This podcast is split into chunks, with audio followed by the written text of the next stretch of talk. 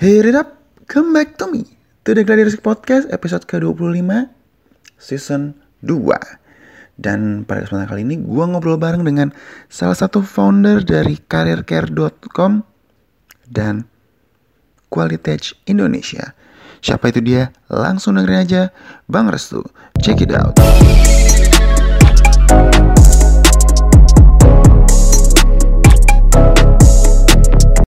Agu News. Untuk yang pengen tahu lebih jauh kritik atau saran bisa langsung kirim aja ke gladiresik7 at gmail.com atau mention atau direct message juga boleh ke Instagram at gladiresik studio. Stay tune nam podcast Gladi Resik. Ya, oke. Sekarang kita bakal ketemu bareng sama Bang eh, Restu, kan? Nah, Bang Restu ini adalah seorang founder dari karircare.com ya, benar.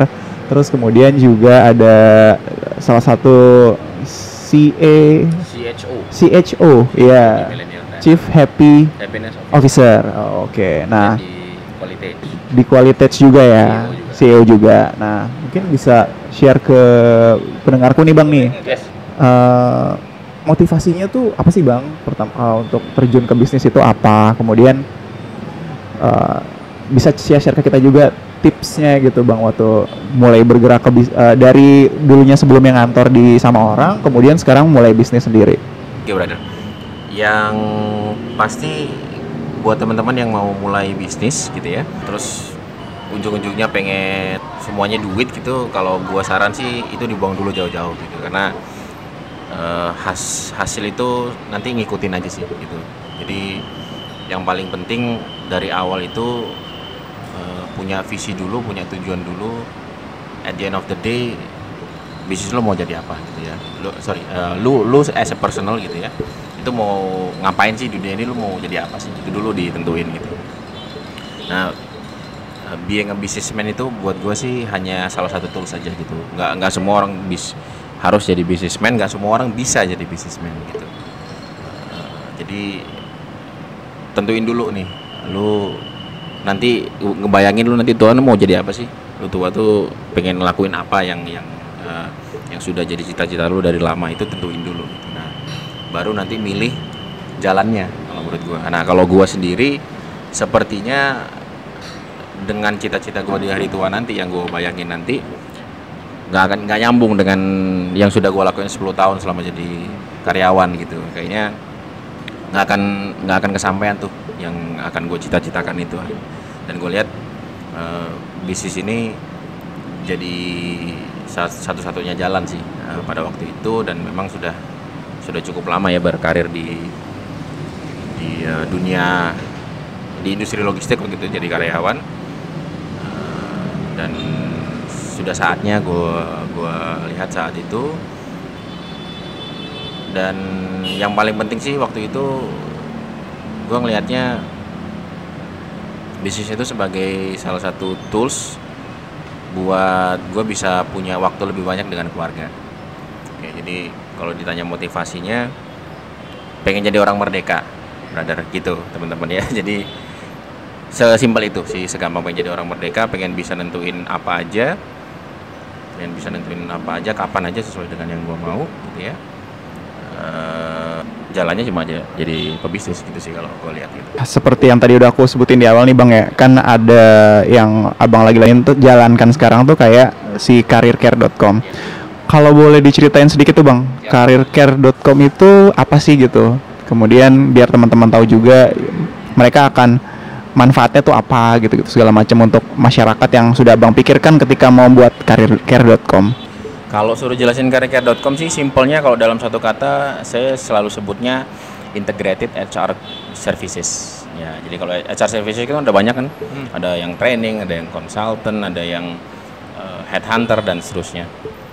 nah, kalau saya nyebutnya eh, servicesnya integrated HR services which is include eh, eh, all of that kind yang saya sebutin tadi di di awal.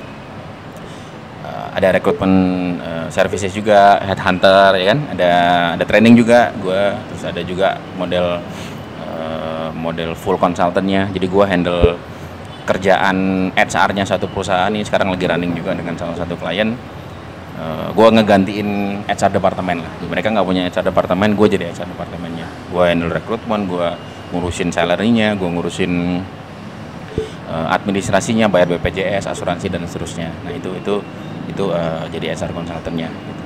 Uh, itu kerjaan karir care uh, apa bidang usahanya karir care. Tambahannya untuk as CSR lah ya gue bilang ya as CSR juga. Kita secara rutin 2-3 bulan sekali bikin event. Bikin event yang berkaitan dengan dunia karir. Uh, event paling paling well known kita namanya Karir Talk. Ya Karir Talk sudah jalan event kelima. Jadi nanti insya Allah di bulan Juli kalau nggak Agustus ada ya Karir Talk yang keenam yaitu um, selalu bervariasi ya uh, setiap kali event. Ada yang memang di core gua dulu di logistik ada yang memang berhubungan dengan uh, dunia profesional yang berkaitan dengan eh, CV interview then public speaking dan personal branding macam-macam. Jadi tergantung yang lagi hype di saat momen itu apa dan gue dapat partnernya siapa nih sebagai uh, speakernya. Karena kan nggak nggak nggak gue mulu gitu speaker. Itu Terus uh, kalau dibilang apa uh, apa ya why-nya gitu ya, why-nya kenapa karir Cathy sebenarnya uh, kalau dari personal sendiri gue ngelihat selama ini kan kalau sebelum mulai bisnis tuh kalau yang gue belajar dari bisnis gue dulu pernah sebelum ini juga pernah bisnis alhamdulillah ya gagal ya tutup ya Haikal tahu tuh Haikal pernah makan nasi pecel ya, Haikal kayaknya pernah makan nasi pecel gue Nah, yang gue belajar dari situ adalah bisnis itu nggak bisa pure dari personal interest kita. Lu suka apa, lu jalanin. Boleh, boleh, silakan. Tapi you have to have a strong equity gitu untuk bisa ngemodalin itu karena belum tentu itu laku. Yeah. Nah, kalau lu mau bisa sustain dan bisa uh, bisa jalan bisnis lu tanpa harus ngoyo banget gitu ya, itu harus ketemu di tengah kalau menurut gue sih. Antara personal interest lu plus apa yang dibutuhkan pasar. Nah, personal interest yang, yang kebutuhan di pasar ketemulah karir karir kalau di gue sendiri ya awalnya karena uh, eh, gue sendiri passionate pengen uh, punya selama ini kerja di logistik memang 10 tahun. Tapi selalu ketika masuk di perusahaan gitu yang selalu gue perhatiin pasti people development. Ini orang nih sudah di training apa aja sudah di treat seperti apa mereka. Selalu begitu yang gue yang selalu gue perhatiin gitu. Untuk try to improve something pasti dimulai dari orang dulu. Nah gue pikir ya sekalian aja gitu gue nyemplung ke dunia HR kan gitu. Walaupun bener-bener langkahnya termasuk agak nekat karena gue nggak punya background sama sekali gue bukan psikologi manajemennya juga marketing bukan HRD kan cuma gue pikir Bismillah aja lah karena memang at least gue punya experience gitu uh, handle people gitu sebelumnya 10 tahun. Nah di marketnya itu gue lihat kalau lo tahu dunia rekrutmen center itu gue gue lihat sekarang kalau dari sisi customer gitu ya kalau di, di sisi customer gue ngelihatnya uh, banyak yang treat their client kurang fair gitu. Kurang fairnya gini contoh nih ya gue kasih contoh.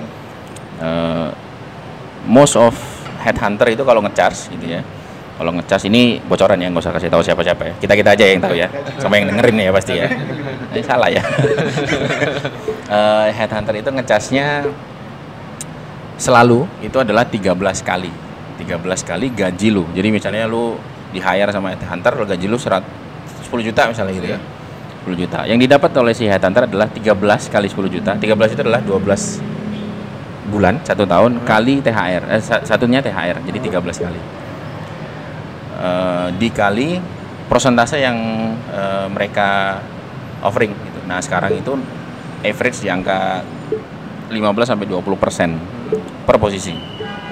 Ini bayangin, cuma ngerekrut aja lu bisa dapat sekitar 130 kali let's say 10 persen lah 13 juta satu 13 juta sih fine nggak masalah as long as you bisa guarantee bahwa orang yang uh, you hire itu sesuai dengan bulan yang lu kaliin kan. Hmm. Nah, faktanya di faktanya di lapangan enggak. semua di sana paling lama bisa kasih garansi itu tiga bulan jadi tiga bulan ngecasnya 13 kali tapi garansinya cuma tiga bulan gitu. Nah buat gue buat gue dari sisi user kan nggak fair kan. Nah, gue coba masuk gue breakthrough uh, gue uh, gua ada ada paket yang uh, menyesuaikan dengan gue pasti ketika ditanya pertama kali berapa casnya apa mau saya garansi berapa berapa bulan? gitu. Jadi saya balikin ke usernya sesuai dengan budget dan akhirnya ketemu di tengah kan angkanya gitu. Lu kalau mau uh, gua garansi lama ya udah. Pengalinya ya sesuai dengan yang mau digaranti. Kalau cuma tiga bulan garansi ya udah. Cuma dikali tiga bulan aja. Perbedaannya drastis banget. Kalau misalnya dengan angka yang sama tiga kali 10 juta 30 juta dikali let's say 10 persen gitu. Saya cuma dapat 3 juta dari situ.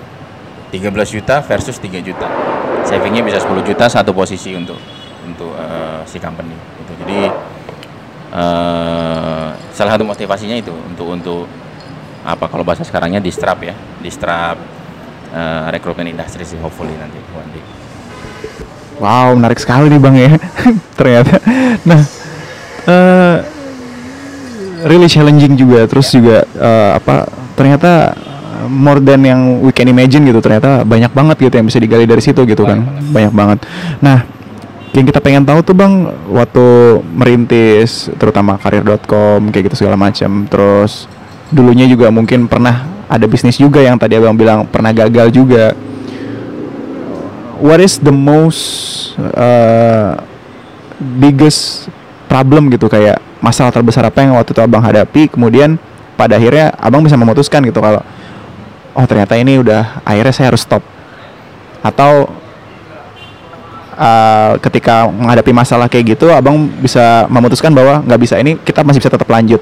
Itu ada nggak sih bang cerita yang bisa di share ke kita? Uh, sebenarnya kalau dibilang cerita uh, yang challenging banget sih lu agak lumayan banyak gitu ya. Uh, depends on case-nya apa depends on situationnya waktu itu apa. Cuma kalau mungkin uh, berkaca ke ada beberapa satu dua cerita kali ya kalau yang uh, yang pertama itu yang bisnis pertama kali yang pecel itu memang purely kalau gue bilang uh, kesiapan mental ya. Jadi don't you ever entering entrepreneurship bisnis industri gitu ya dengan mentality bos. Itu is big no kalau gue bilang. Kalau lu masih pengen gue pengen bisnis biar santai gitu biar santai biar gue bisa leha-leha gitu ya dan biar bisa gue nggak nggak ngontrol ya. Bisa liburan ke mana pun that's okay.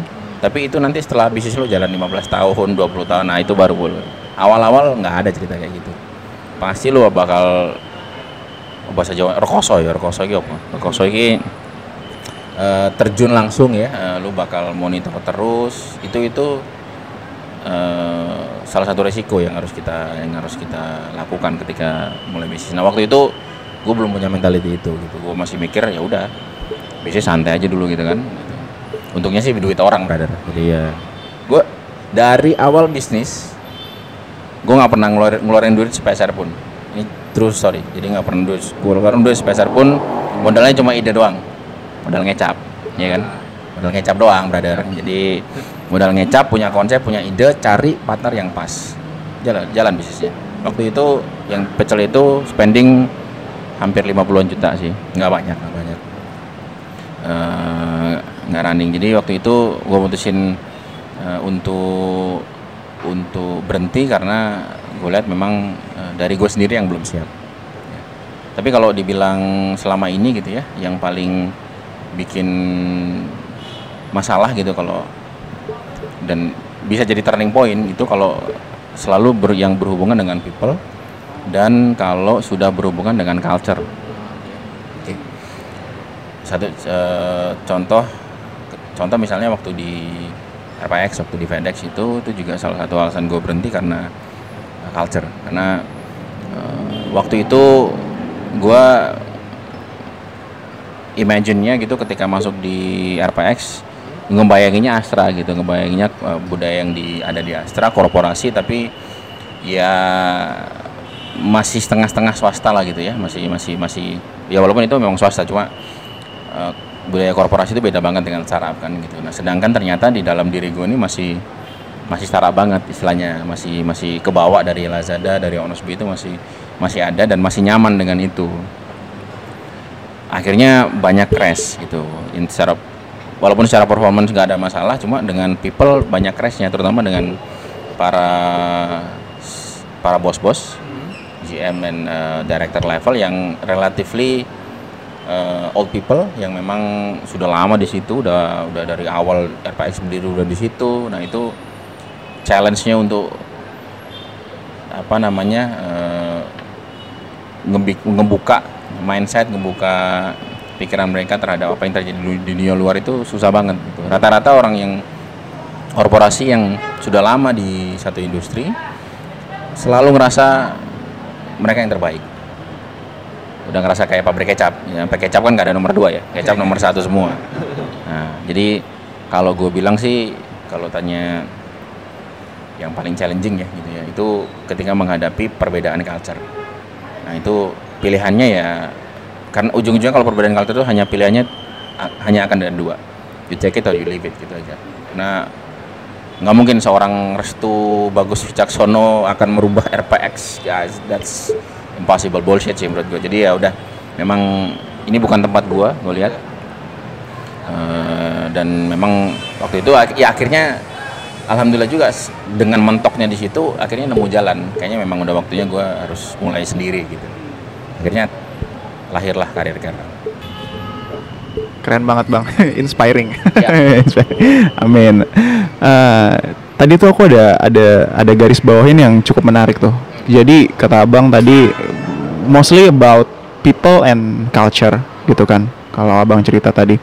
Terus yang pengen aku tahu gitu bang ya memang di setiap tempat kita nggak pernah bisa apa ya ibaratnya uh, kadang-kadang nggak fit gitu 100% kayak ya mungkin kita fit di tempat yang lain atau kita fit di satu tempat gitu kan. Terus kalau menurut uh, abang nih gitu kayak misalnya uh, lagi nyari orang gitu kan untuk yang perusahaan mana gitu yang dibutuhkan kan HR gitu. Suatu perusahaan minta orang gitu misalnya bang aku kasih contoh gitu. Terus uh, abang kan berarti harus menyesuaikan orang yang tersebut cocok sama tempatnya gitu misalnya gitu kan. Terus uh, sebenarnya itu sulit nggak sih bang? Kendala, kendala banget nggak sih kalau nyari orang yang sesuai banget sama si kebutuhan perusahaan gitu? Karena kan apalagi di era sekarang gitu kan. Bahkan produk aja tuh sekarang makin individualistis gitu buat menyasar pasar gitu kan. Uh, itu itu gimana gitu menurut abang untuk yang masalah kayak tadi gitu people and culture? Kalau ditanya sulit apa enggak bukan sulit sih cuma sulit. Saking sulitnya sulit gitu ngomongnya ya. Karena uh, interview itu kan tricky banget brother. Jadi how to identify this person is fake or real itu kan kalau gue bilang mostly insting dan dan uh, jam terbang ya. Jadi kita bisa ngajarin anak yang baru lulus psikologi gitu. Gini loh yang menidentifikasi uh, orang bohong tuh ini caranya. Dia ngelihat ke atas ke kiri misalnya. Kalau ke kanan itu ngebayangin kalau ke kiri itu bohong misalnya gitu ya. Kita ajarin teknik-tekniknya bisa gitu. But eventually jam terbang bermain brother. Jadi memang beda gitu ya ketika gua contoh gitu ketika yang running career care even orang yang sudah uh, lama kerja pun tapi kalau memang jam terbang ini bukan berarti harus selalu orang tua ya. Enggak jam terbang ini artinya bi dia bisa masih muda tapi dia yang interview orang ini udah banyak banget. Nah itu jam terbangnya tinggi berarti. Kerja udah 15 tahun tapi kerjanya nggak pernah interview orang. Jam terbangnya sama dengan anak baru lulus kemarin. Gua ngeliatnya begitu. Jadi uh, itu ngaruh banget. Dan kalau ditanya sulit uh, pasti sulit karena terutama di di bisnis gua. Karena kalau HR itu kan mereka lumayan sering ketemu dengan user. Jadi lumayan intens lumayan ngerti tipikal user ini kayak gimana sih cari orang kayak gimana culture perusahaan pun kayak gimana kan mereka ngerti HR ya. Nah kalau di gua kan bisa dibilang kan eksternal departemen juga.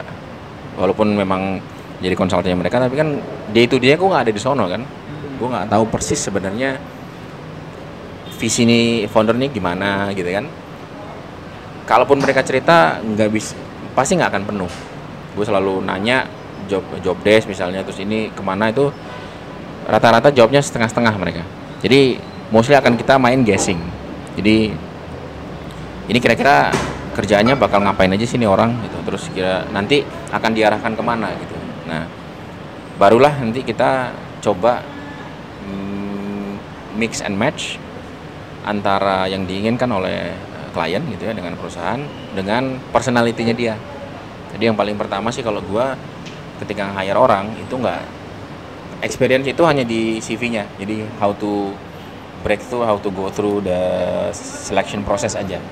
Oh uh, experience-nya udah cukup nih dari tiga tahun oh posisinya sama. Oke gue panggil. That's all. Uh, that's all. Tapi begitu nyampe itu purely your personality yang gue lihat. Jadi how you answer the questions not not necessarily not necessarily the questions ya. Jawabannya mungkin bisa ngaco tapi ketika nge- ngejawabnya yakin gue bisa yakin sama lo gitu. Eh, karena nggak ada jawaban benar salah di interview ya kan? Eh, it depends on how you say eh, how you answer the question gitu sikap lu yakin apa enggak kan gitu. Nah itu eh, matchingnya juga juga susah. Ketika kadang-kadang kita udah yakin oh ini cakep banget nih. Nyampe di customer ada aja yang kurang. Jadi masih masih masih eh, nggak match gitu ya dengan dengan keinginan mereka.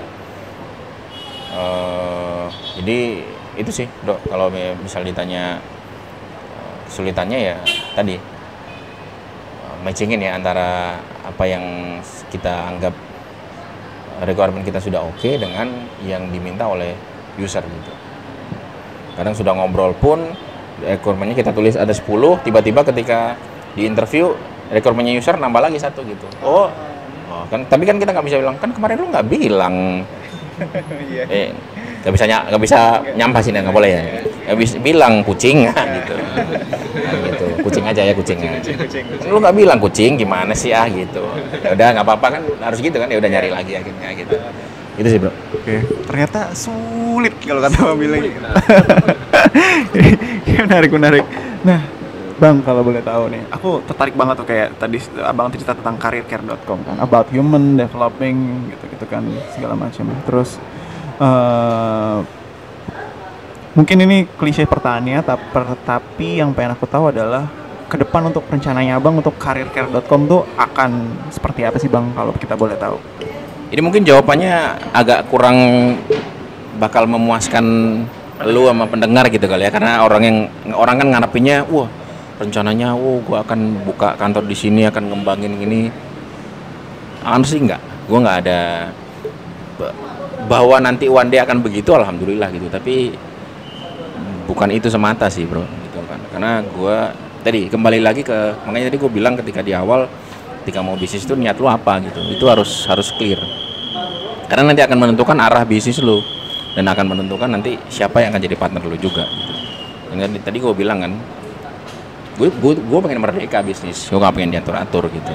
Nah ketika eh, ketika misalnya gitu ya gue punya rencana yang ambisius gitu that's good for the company not necessarily good for me gitu kadang-kadang. Karena eh, pengalaman yang dari gua lihat teman-teman gitu sesama business owner founder yang yang memang dapat investor gitu ya. Kalau startup kan gitu kan ter- terkenalnya kan. Startup bikin setahun dua tahun dapat investor gede gede dan seterusnya. Itu ujung-ujungnya nggak ada bedanya sama karyawan. Percaya sama gua. Jadi lu punya bisnis nih pod- podcast misalnya eh, jalan podcast gini mau gede nih podcast gua gitu. Datengin investor gitu. Investor kan ini sorry ya kalau ada yang tersinggung ya tapi makin kaya orang makin pelit brother. Jangan lu kira orang kaya makin dermawan. Kagak ya. Makin pelit mereka ya. Mereka spend money exactly man. Duit gue mana gitu. Kalau dapat pas pa- eh, investor yang agak baik ya nyindir nyindir doang gitu ya. Sebulan sekali pas meeting nyindir. Kalau yang bawelnya setengah mati itu stres banget. Ketemu ngobrol bang lu apa bedanya sama karyawan? Gue gituin. Karena ya tadi ya eh, re- rencananya mah yang cukup ambisius kan biar itu gede. Nah kalau gue sendiri as simple as uh, gue bisa kasih eh, manfaat sebanyak mungkin ke orang yang tahu karir care gitu aja sih bro jadi eh, punya karyawan lebih banyak nggak selalu jadi indikasi buat perusahaan em, gede juga gitu karena sekarang justru kalau bisa mah jangan terlalu banyak karyawannya gitu Exactly. Gue kalaupun misalnya mau gede gitu ya, kliennya tambah banyak, gue nggak akan rekrut karyawan banyak. Rekrut karyawan mah satu dua aja yang ngurusin administrasi kan. Yang dibanyakin adalah partner. Terutama rekrutmen gitu. Rekrutmen misalnya yang udah kebayang sekarang adalah yang nanti eh, tahun ini akan gue kembangin itu gue masih belum tem- belum ketemu namanya cuma semacam karir care rekrutmen club, recruiter club. Jadi karir care recruiter club isinya adalah para rekruter-rekruter yang freelance yang gue maintain. Jadi bayarnya bayar putus per per eh, manpower aja, per headcount aja. Gue ada kebutuhan, gue nggak perlu eh, karyawan untuk hire, gue tinggal lempar ke klub gue istilahnya gitu ya, community lah ya, community communitynya karir care, rekruternya karir care. Nanti tinggal siapa yang qualified, ambil mereka yang rekrut. Rekrut bayar sesuai dengan eh, perjanjian per orang saja. Sudah lepas, gue nggak punya nggak ada beban untuk harus bayar headcount. Itu yang alasan kenapa gue bisa kasih harga murah. Kalau yang gede-gede kan semua di hire karyawan dan rekrutmen konsultan tuh gajinya gila-gila brother. Yang yang well known itu udah udah puluhan. Even baru masuk itu pun sudah angkanya sudah dua tiga kali UMR kadang-kadang gitu. Bahkan yang fresh grade yang emang di hire oleh kayak McKinsey gitu ya. Terus eh, eh, apa namanya eh, Robert apa yang terkenal ya? Monroe ya Monroe Consulting itu gajinya gila. Makanya mereka charge-nya akhirnya kan mahal gitu ke ke ke, ke customernya. Jadi mungkin itu eh, yang rencana yang mungkin agak kelihatan mau bikin karir care recruiter community lah ya. Itu Eh, and then ada beberapa kalau tahun ini eh, event yang tahun kemarin gue bikin namanya Indonesia Last Mile Conference. Ya itu kemarin alhamdulillah cukup berhasil juga 200 200an orang yang daftar waktu itu. Eh, tahun ini mau bikin dua itu second. Nah, rencana mau ngundang juga pembicara dari ASEAN nanti. Eh, the whole conference akan full English dan eh, be- mengundang beberapa pembicara dari ASEAN juga untuk seminarnya. Em, hopefully sih bisa lanjut dengan klien yang sarang untuk apa rekrutmen konsultannya. Jadi gue bisa apa namanya jual konsep ini lebih masif lagi sih. Sekarang sekarang sih tujuannya mau ngenalin lebih banyak aja eh, konsep ini ke eh, ke halayak gitu. Jadi biar orang eh, nggak ketipu terus dengan headhunter company. Jadi bisa growth bareng-bareng lah gitu ya. Nggak nggak nggak apa namanya nggak nggak ngambil keuntungan banget dari satu pihak tapi bisa bareng-bareng sama-sama untung gitu mungkin itu brother kalau yang dari karir kan Eh, last but not least bang, eh, tadi abang cerita tentang apa eh, ke depannya mau gimana karircare.com gitu kan. Eh, itu menarik banget sih buat kita juga informasi seputar tentang headhunter, HR segala macam kayak gitu kan. Eh, terus menurut abang gitu, eh, the best qualified people to do a business eh, sedikit aja, maksudnya kayak dia harus punya sikap apa sih kalau menurut abang gitu kalau misalnya dia mau to a business. sebenarnya eh, kalau dibilang personality atau attitude sih banyak banget gitu ya. Dan eh, apa apa atribut dari seorang businessman tuh banyak banget yang bisa di yang bisa gue bilang. Tapi kalau misalnya ini terlalu panjang nanti ya nanti kita eh, ada seminar sendiri kali ya nanti gue bikin seminar aja gitu Em, kalau disuruh milih sih kalau satu aja gitu mungkin gue bilang bravery ya. Jadi itu yang utama sih kalau menurut gua. Karena nggak peduli sepintar apa pun lu sejago apa pun lu bikin plan segokil apa pun ide lu but you don't have the courage to execute it ya bullshit. Gitu. Pertama sih nekat aja gitu udah gitu. Kalau gue bilang. Karena eh, itu sebenarnya yang yang paling lag di orang orang-orang kita ya kalau gue lihat itu bravery, confidence gitu ya. Eh, orang itu terlalu mikirin gimana nanti orang mikir ketika gue lakuin ini. Itu itu yang selalu pertama kali ketika kita mau lakuin, sesuatu orang Indonesia itu mikirnya gitu terus. Ah ntar gue statusnya eh, ini ntar kalau gue bikin ini yang bayar cicilan siapa yang ini ntar nah itu bukan bukan gue min gua, bukan gue nyuruh kalian gak mikirin itu. Boleh silakan. Tapi at the end of the day ya lu harus milih kan gitu. Lu ma yang mana yang lebih penting buat lu gitu. Jalanin hidup kayak robot aja terusan kayak gini digaji bayar cicilan gaji bayar gitu aja terus sampai tua atau you mau do something yang memang ya udah. Eh, gede sekalian oh, gagal ya udah. Lu bisa belajar nanti biar bisa bikin lagi yang lebih bosan gitu. Nah, itu kalau nggak punya keberanian nggak bisa brother. Jadi kalau gue bilang sih itu dulu sih yang memang harus dipersiapkan gitu ya. Karena akan menghadapi banyak banget tantangan baik dari internal maupun eksternal. Internal ya dari keluarga pasti ya. Keluarga ngapain sih? Emak misalnya udah kerja aja.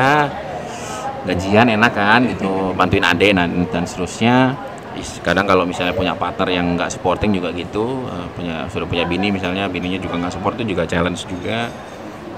Nah, jadi ujung-ujungnya kembali ke lu. Lu cukup berani nggak untuk ngambil sikap dan paling penting adalah uh, dealing with all the risk.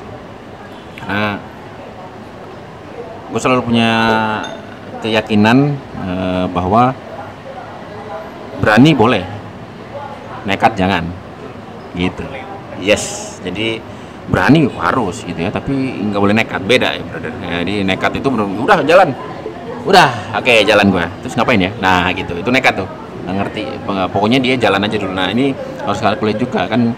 Misalnya kalau lu udah ber- berkeluarga terutama kan life must goes on kan. Kalau lu punya cicilan harus bayar itu gimana caranya? At least itu dulu disiapin. Jadi ketika kita ngelangkah itu udah nggak nggak nggak maju mundur gitu. Nah, fokus karena pengalaman gue dulu pas sebelum sebelum Karika juga sempat bikin brand eh, baju juga akhirnya kerja lagi karena tadi eh, di Sambi gitu ya. Istilahnya waktu itu niatnya ya udahlah sambil nunggu panggilan kerja gue bisnis aja nah itu itu salah itu udah. Ya udah salah itu udah. Jadi pasti bisnisnya akan berhenti. Karena da- dari awalnya nyambi ya kan satu. Terus eh, gak punya kalkulasi yang matang gitu ketika jalanin itu itu sih paling brother. Eh, yang bisa gue jawab. Oh ya satu lagi tadi kalau ngomongin planning sebenarnya yang nambah boleh ya? nah kalau nambah pla- ngomongin planning justru yang eh, lagi agak gencar itu yang mas yang qualitative sih. Karena ini yang eh, bisa dibilang first priority gue sekarang.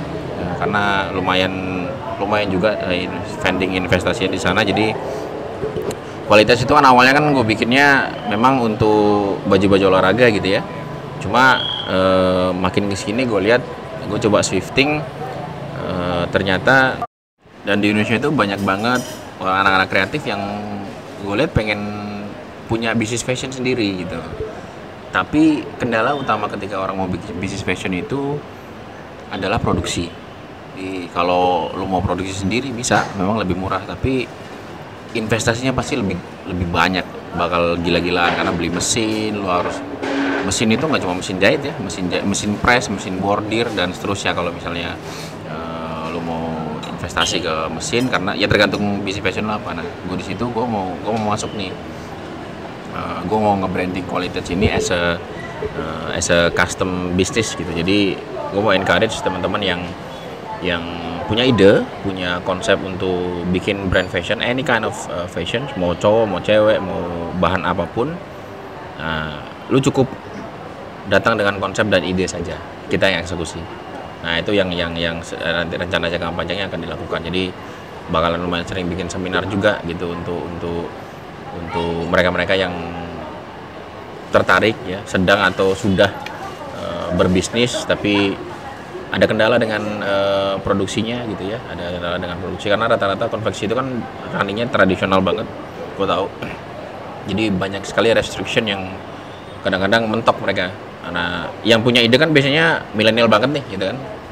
Orangnya zaman eh, kekinian banget gitu. Nah, ketemu orang-orang konveksi yang old school. Nah ini kadang-kadang suka nggak nyambung nih. Nah kualitas ini eh, menjembatani lah. Istilahnya kita datang dengan dengan culture dengan konsep yang nggak jauh dari eh, zaman sekarang gitu. Eh, flexibility yang yang kita yang kita tentukan ke mereka. Biasanya kan kalau kita pesen produksi kan pasti ada minimum order kan? No minimum order di gua. Eh, kalau di di Qualitas lu mau bikin brand apa pun konsep apa pun gue bikin. Nggak ada minimum order gue bikin. Gitu. Ya jadi tinggal membedakan paling harga kan tapi itu ngasih kebebasan buat orang untuk bisa nggak perlu mikir gitu mau start di angka berapapun gue bisa bantu gitu. Rencana ke depan yang lumayan ambisius lah gue bilang paling itu. Thank you banget Bang Restu. Terakhir setiap eh, pembicara tuh eh, saya selalu nanya gitu. Tiga kata kalau kita dengar kata eh, nama Bang Restu itu apa? Tiga kata aja. tiga kata ini slogan yang gue pakai di LinkedIn sih sebelum sebelumnya ya tercetus ini tapi secara nggak sengaja sih jadi jadi akronim ya akronimnya BIG big jadi kalau gue me- menginterpretasikan diri gue adalah builder influencer game changer Sip, keren banget Bang Restu. Terima kasih.